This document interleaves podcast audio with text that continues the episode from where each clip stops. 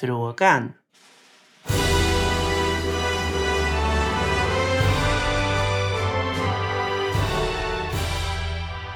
En liten bit av Ukrainas nationalsång får inleda det här avsnittet av Rapporterat.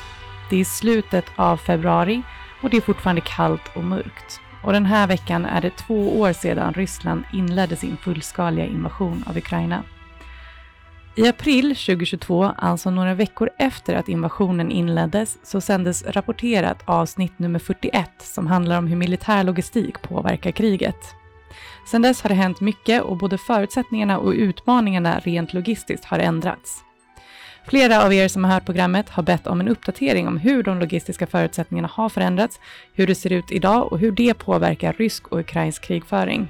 Så för att svara på den här frågan så har jag bjudit hit FOIs forskare Markus Thynhammar och Thomas Ekström som tidigare jobbade på FOI men som idag är universitetslektor i krigsvetenskap på Försvarshögskolan. Och Thomas, jag tänker att vi börjar hos dig. Från ditt perspektiv, vad är skillnaden mellan hur det ser ut idag och hur det var för två år sedan? Ja, kriget har ju genomgått ett antal olika faser. När vi satt här för snart två år sedan, Eh, då hade vi ju sett hur det ryska tänket bakom operationen, nämligen att antagligen göra en väldigt snabb operation, kunna utnyttja befintlig infrastruktur i Ukraina och snabbt komma till ett avslut, antagligen inom en vecka till att ha blivit eh, det som idag egentligen är ett ställningskrig, ett utnötningskrig och som närmast kan liknas vid ett eh, skyttegravskrig i, i vissa stycken. Det vill säga vi är nästan tillbaks på eh, första världskrigets eh, typ av krig. Någonting som eh, vi i västvärlden inte hade förutsett en sån utveckling. Så det har genomgått ett antal olika faser och nu nu är det ett ställningskrig och egentligen då ett krig mellan försörjningskedjor, ett krig mellan produktionsresurser.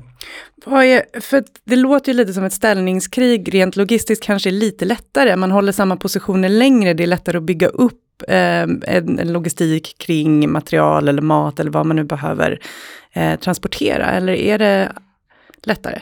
Ur det perspektivet så är, så är det ju lättare rent teknisk logistiklösning att föra fram resurserna till ett område eller en punkt snarare än att behöva följa striden över ett större område. Men som sagt, samtidigt så har det här ju pågått nu i två år. Eh, förbrukningen av ammunition av olika slag har ju varit väldigt omfattande jämfört med vad man hade kunnat föreställa sig i ett modernt krig. Eh, rena skära volymer i att transportera fram och i slutändan producera har ju överstigit eh, förväntningarna på de flesta bedömares håll skulle jag nog kunna påstå. Marcus, har du något? Eh, ja, man har även alltså, reservdelsförsörjning och sådana saker som där vi skickar system där det kanske inte ens finns tillverkning idag av reservdelar. För man har inte förväntat sig att det här ska behövas. Eh, och sen skickar vi fram saker. Nu går det sönder, då behöver vi nya reservdelar. Då måste vi kanske börja sätta upp tillverkning av de reservdelar. Eh, och det var mycket av det tänket som man började kanske ana eller vara rädd för när kriget drog igång. Att vi kanske faktiskt måste ge stöd i flera år och då måste vi bygga upp den kapaciteten. Eh, det är också därför man ibland kan, kan höra att jo, men nu ska vi skicka flygplanen, nu ska vi skicka de här fordonen eller farkosterna. Men då är det oftast kanske år innan man faktiskt har allting på plats och det funkar. Det är inte bara att liksom parkera ett plan på en flygplats och kasta nycklarna och säga här, varsågod. Liksom det, det kräver väldigt mycket mer för att få det att funka.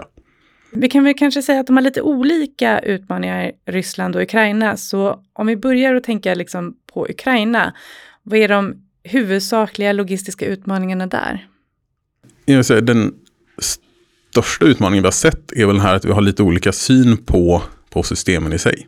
Att i västvärlden vill vi gärna att allting ska vara liksom, ny, nylackat, nyvaxat, det ska vara perfekt, det ska fungera perfekt, det ska vara besiktat och klart. Liksom. Vi ska ha särskild tillsyn och daglig tillsyn och liksom, top of the line grejer. Eh, men när det väl används i kriget i Ukraina så ja, man lagar det med det man har. Liksom. Det blir silvertejp, det blir buntbandslösningar. Och de är väldigt nöjda med det, för att de vill att det ska rulla. De bryr sig inte så mycket om det här är det bästa nytt från fabrik, utan ja, men det rullar och gör sin uppgift. Och då är man nöjd där, liksom, tycker man det här är tillräckligt bra. Eh, och det är ett synsätt som vi i västvärlden kanske inte riktigt är vana vid att säga att jo, men då räcker det här med att skicka någonting som har lite repor i lacken för att det funkar. Liksom. Vi måste inte göra i ordning allting så. Eh, och det är kanske den utmaningen att tänka om där, att det, det räcker med att försörja med det som är tillräckligt bra. Det behöver inte vara det bästa.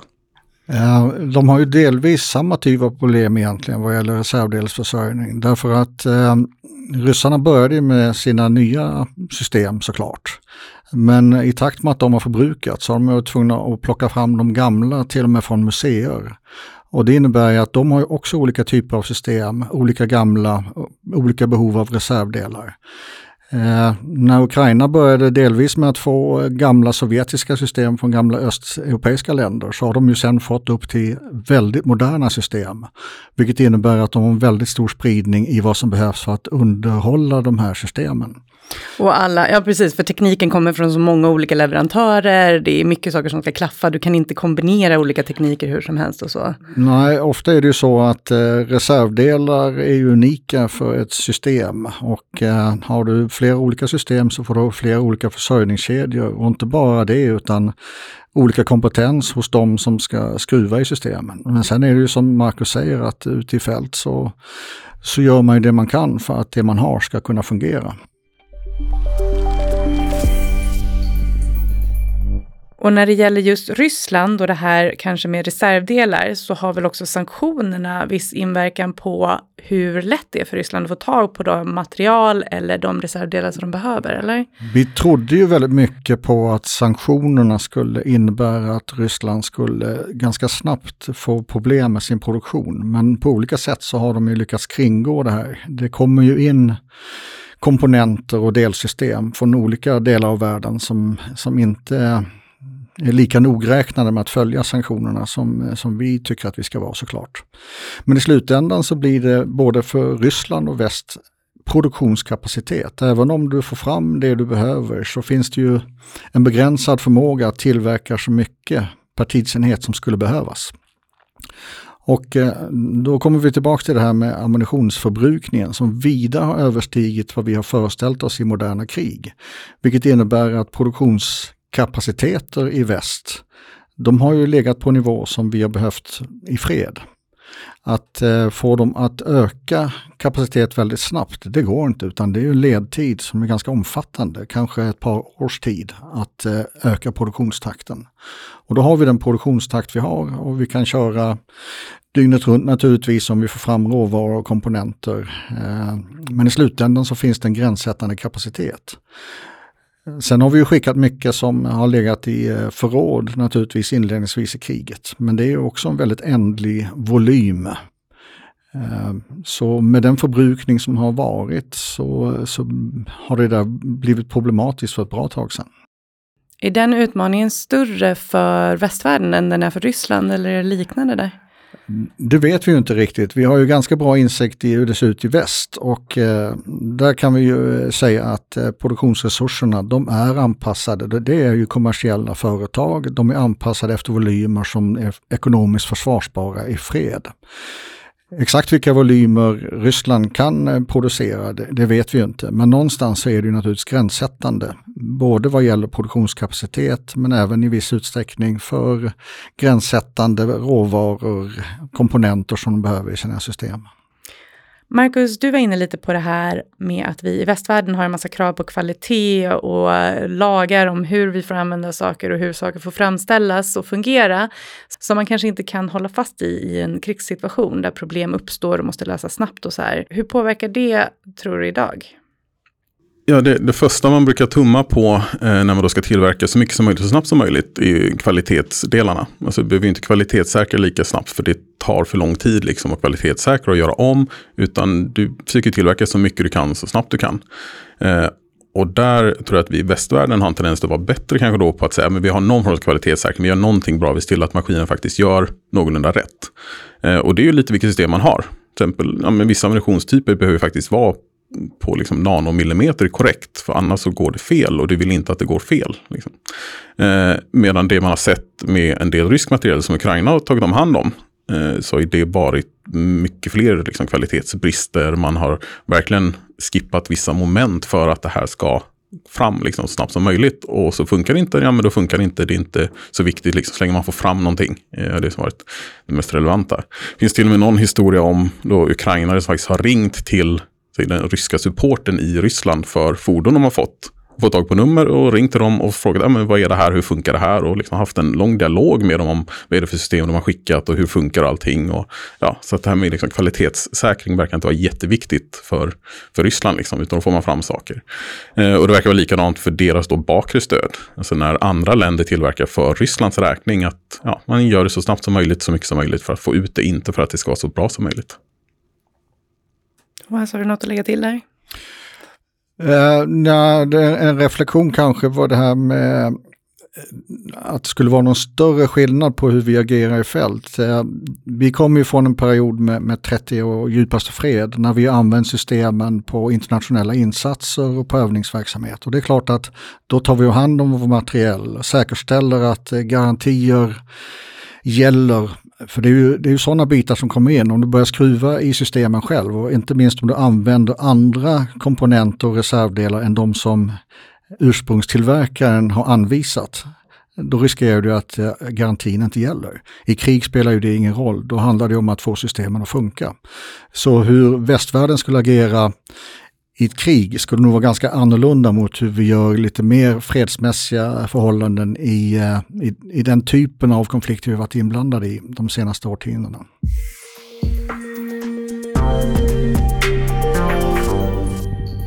Sverige och flera andra länder har ju de senaste två åren skickat mängder av material och utrustning till Ukraina. Eh, och som vi har varit inne på så är det här material som ska servas och underhållas. Men kan vi säga någonting om hur det här har fungerat överlag?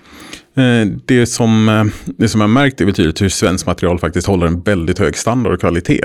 Eh, och jag har till och med hört från en del just att så vitt vi vet i alla fall så, så har vagnarna vi har skickat, ja det är ingen som har dött i de vagnarna utan de, faktiskt, de håller ihop, de funkar. Det går att få dem på rull om de faktiskt går sönder. Sådana saker som är väldigt, väldigt relevant och viktigt. Sen så, så är det förstås krångligt då med hur, hur man ska göra lagning av det. För då har vi skickat en vagn, vi har skickat vissa reservdelar för vagnen. Eh, men sen vill vi gärna hjälpa till och kanske då laga vagnen. Och blir det så, ja, men då kan vi inte importera hem vagnen till Sverige kanske för att då blir det fel rent regelmässigt. Och, och det är krångligt med att exportera krigsmateriell och så vidare. Så att det, det blir liksom snårigt eh, när det gäller de, de lagliga delarna av det. Eh, men det har jag märkt än så länge är att just svenskt material funkar väldigt bra. Eh, Liksom det, det håller ihop bättre än vad kanske många hade, hade kanske till och med kunnat trott. Samtidigt som de märker att när, när man slår mot då rysk materiell så, så slår man hårdare än vad man trodde man skulle göra också. Vilket antingen gör att vi har väldigt bra saker eller att de kanske har lite sämre saker än vad man trodde. Eh, men vi, vi står oss väldigt väl än så länge. Eh, just svensk materiell. Thomas, vad har du sett i din forskning? Ja, eh, det slår mig att jag inledningsvis skulle ha tydliggjort att det här framförallt är en gigantisk humanitär katastrof för Ukraina och allt vi teoretiserar kring eh, måste ju ses i det ljuset. Med det sagt så är ju kriget också en testbädd för tidigare oanvända system. Eh, amerikanerna har ju lärt sig väldigt mycket om olika typer av system som inte tidigare har varit i den här typen av krigföring. Eh, både positiva och negativa erfarenheter såklart. Sen har Ukraina också, vi har inte kommit in på det så mycket ännu, visat sig vara otroligt innovativa och kreativa. Och det gäller ju både i taktikutveckling, eh, eh, stridsteknik, hur, hur, man faktiskt använder olika typer av system. Men det gäller också på tekniksidan, hur man kombinerar ihop olika typer av system, hur man egenutvecklar olika typer av eh, ledningssystem via mobiltelefoni för att styra sina, eh, sina eh, drönare. Och det är också någonting vi inte har kommit in på ännu. Den enorma konsumtionen av drönare i det här kriget. Jag har sett uppgifter på att enskilda operatörer kan förbruka 20 drönare per dygn. Och eh, kopplat till vad vi själva i västherren har och vilken produktionskapacitet vi har av sånt så, så, är det ganska avsevärda mängder även där. Och senast idag såg jag att eh, man nu inom Ukraina gick ut med en uppmaning till enskilda individer att sitta och hemmabygga drönare till, till kriget. Eh, så väldigt stor innovationsförmåga, väldigt kreativa, både hur man använder system och hur man utvecklar system. Men om vi pratar mer om det här med drönare, vilken betydelse har de haft för kriget om man tänker från ert perspektiv som logistiker? Jag tycker det, det intressanta är just den här kreativiteten som man ser. Att på något sätt, eh, nöden uppfinningarnas moder eh, i det här fallet säger att jo, men okej, vi måste hitta lösningar, taktiska lösningar. Det är ingen som riktigt haft luftherraväldet. Eh, hur kan vi hantera liksom, luftbilden på något sätt och se hur, hur gör vi det här? Och att man inser att jo, men vi har faktiskt små drönare, de kostar inte så mycket, relativt lätta att tillverka. Ja, men då testar vi och ser vad som händer. Liksom. Och att man faktiskt ja, det är inte så mycket om man vågar göra det, utan man känner så att vi måste testa allting. Och de har ju till och med gått ut tidigare och sagt, jo men kom gärna och testa saker här, för att nu har ni möjligheten liksom att testa alla vapensystem. Eh, och att man sen märker att det här funkar ju, ja, men då, då kör man det. All in, man är liksom inte rädd för att säga, nu ska vi utvärdera eller nu ska vi ha någon, någon kommitté som funderar på det här några år, utan nej men det här verkar funka, vi kör på det här tills det inte funkar längre och då gör vi någonting annat. Eh, och det är väl det jag mest har sett liksom den här kreativiteten som man kanske inte alltid tänker att liksom, militärer är kreativa människor. Men det har ju varit väldigt tydligt i det här kriget att jo, det är kanske de mest kreativa människorna vi har. Liksom. Eh, kreativiteten sitter i att man vet eh, att ja, vi måste testa det här, vi vågar hitta nya sätt att, lösa problemen. Eh, och just det verkligen, drönare funkar väldigt, väldigt bra just nu. Sen vet vi inte då hur väl det kommer funka Eh, om det kommer flygplan istället eller liksom hur man ändrar den bilden. Eh, men just nu i dagsläget så, så har det till och med kommit rapport, eh, rapporter om att officerare och soldater i, i då, ryska förband eh, de hör liksom hur det är liksom bisvärmar av drönare i luften och det, det räcker för att de ska liksom lägga, lägga benen på ryggen och springa för att de känner att nu, nu är det för jobbigt, liksom. nu är det för mycket drönare i luften, det här blir farligt. Eh, det, det, det är som Marcus säger, att det har visat sig vara väldigt viktigt och vi talade tidigare om olika faser av kriget. I, i den eh, tidiga fasen så visade det sig vara väldigt viktigt när man eh, lyckades stoppa den här kolonnen som, eh, som kom ner norrifrån. Eh, och, och en, ännu mer nu kanske när de står i sina skyttegravspositioner. Och fördelarna är naturligtvis väldigt många. Man riskerar ju inte sina egna liv om man skickar iväg drönare för att göra någonting. Såklart. Ehm, relativt sett ehm, billiga system, för de har ju använt de har ju använt eh, väldigt många olika typer av system, men, men inklusive väldigt enkla, billiga system som, som man då faktiskt kan använda ganska många av och bli av med. Eh, utan att det gör så jättemycket ekonomiskt.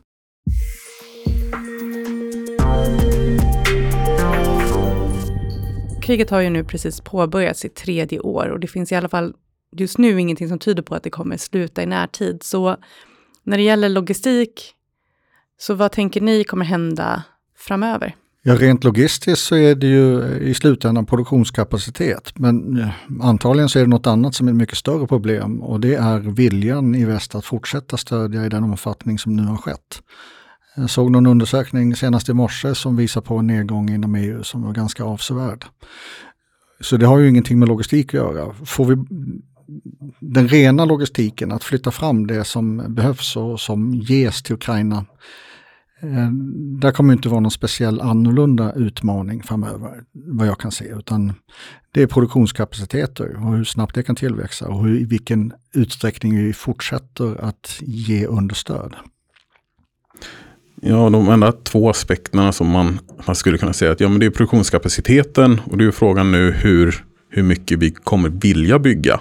Eh, för det börjar byggas rätt snabbt, så här, men vi kanske ska fixa fabriker, kanske till och med fabriker i Ukraina som bygger saker. Men frågan är hur mycket vill vi investera i det? Om då kriget tar slut om några år, vad ska vi göra då med de fabrikerna? Vad ska vi göra den investeringen? Liksom? Är det värt att göra det eller ska vi göra någonting annat? Eh, och sen så då om det nu kommer flygsystem till Ukraina, eh, för det har varit den kanske största biten och diskussionen senaste, liksom, kommer det komma flygsystem och vilka flygsystem? Ja, då ska de försörjas. Och då blir det också mer kanske logistik. Och då får den en specifik logistik för flygsystemen eller kan vi anpassa nuvarande logistik så att de kan omhänderta reservdelar och bränsle och sånt för flyg. Eh, och, så. och då är det oftast inte Sovjetsystemen som kommer, utan då är det ju helt nya saker. Så att de liksom, gamla Sovjetsystemen, ja, där fanns det ju logistik som funkade. Medan nu är det nya system, då är det ny logistik. Jag var inne på det här som har eh, kallats krigströtthet i väst. Det vill säga att eh, eh, folk i allmänhet, det de har upplevt eh, utöver en initial vilja att stötta Ukraina, det de har sett är ju ökande elpriser, eh, ökande energipriser överhuvudtaget, ökande kostnader för allting i samhället, en ganska avsevärd inflation. Um, som kommer bli en, en, faktor allt mer antagligen. Men det som också diskuteras är vad är ett möjligt slutläge i den här typen av konflikt mellan de här två parterna. Och som sagt, hur, hur lång tid kan det här eh, pågå? Du har varit inne på det lite under samtalets gång, att det finns en viss koppling mellan logistiken och försvarsviljan. Eh, så skulle man kunna säga kanske att det är viljan att fortsätta stödja Ukraina som kommer vara viktigast för att få logistiken att fungera framöver? Ja, lite grann handlar det om i vilken utsträckning eh, är, är västvärlden, eller medborgarna i västvärlden, beredda att eh, offra en del av sin bekvämlighet för att fortsätta stödja det här kriget. Mm. Och det, det är det ofta som är det etiska resonemanget just att ja, så länge det inte kostar oss så mycket, ja, men då stöttar vi jättegärna och är liksom på, på den goda sidan, tycker det här är jättebra, nu hjälper vi till liksom och, och rädda Ukraina. Men så fort det börjar kosta saker, vad vi vill ställa upp med. Eh, och det man har sett i Ukraina är just att jo, men där ställer ju liksom, civila utan krigsbaseringar och erfarenhet upp och försöker hjälpa till när man är på plats. Liksom. Och det är ofta man kör civila bilar som ambulanser och så vidare. Eh, dels för att det då inte är lika tydligt mål, men även för att man ställer upp och hjälper till. Och det är oftast det som, när det gäller sjukvård till exempel, som hjälps mest. Det är liksom första hjälpen på plats som räddar flest liv. Eh, och då är frågan, skulle vara samma sak i Sverige? Skulle folk faktiskt ställa upp och hjälpa mina medmänniskor eller kommer vi inte göra det? Eh, och det hänger ihop och säger, okej, okay, kanske vi måste offra lite mer av våran svenska logistik för att stötta Ukraina. Är vi villiga att göra det? Är vi villiga att kanske ha en högre, högre elpriser? Är vi villiga att ha det för att faktiskt hjälpa Ukraina? Sen kanske inte den logiska kopplingen är så tydlig med att högre elpriser hjälper Ukraina. Men det kan spela roll. Och då känner man att nej, det kanske inte är värt det. Vi kanske, liksom, kriget är långt borta tycker vi. Det var en kort uppdatering kring logistik och de logistiska förutsättningarna i Ukraina idag och lite framöver. Och om du har en fråga som du tycker att vi ska svara på här i Rapporterat så kan du skicka in den till oss genom att gå in på foi.se podd. Jag heter Kajsa Collin och i poddredaktionen sitter också Madeleine Filander och Albert Hager Bernats.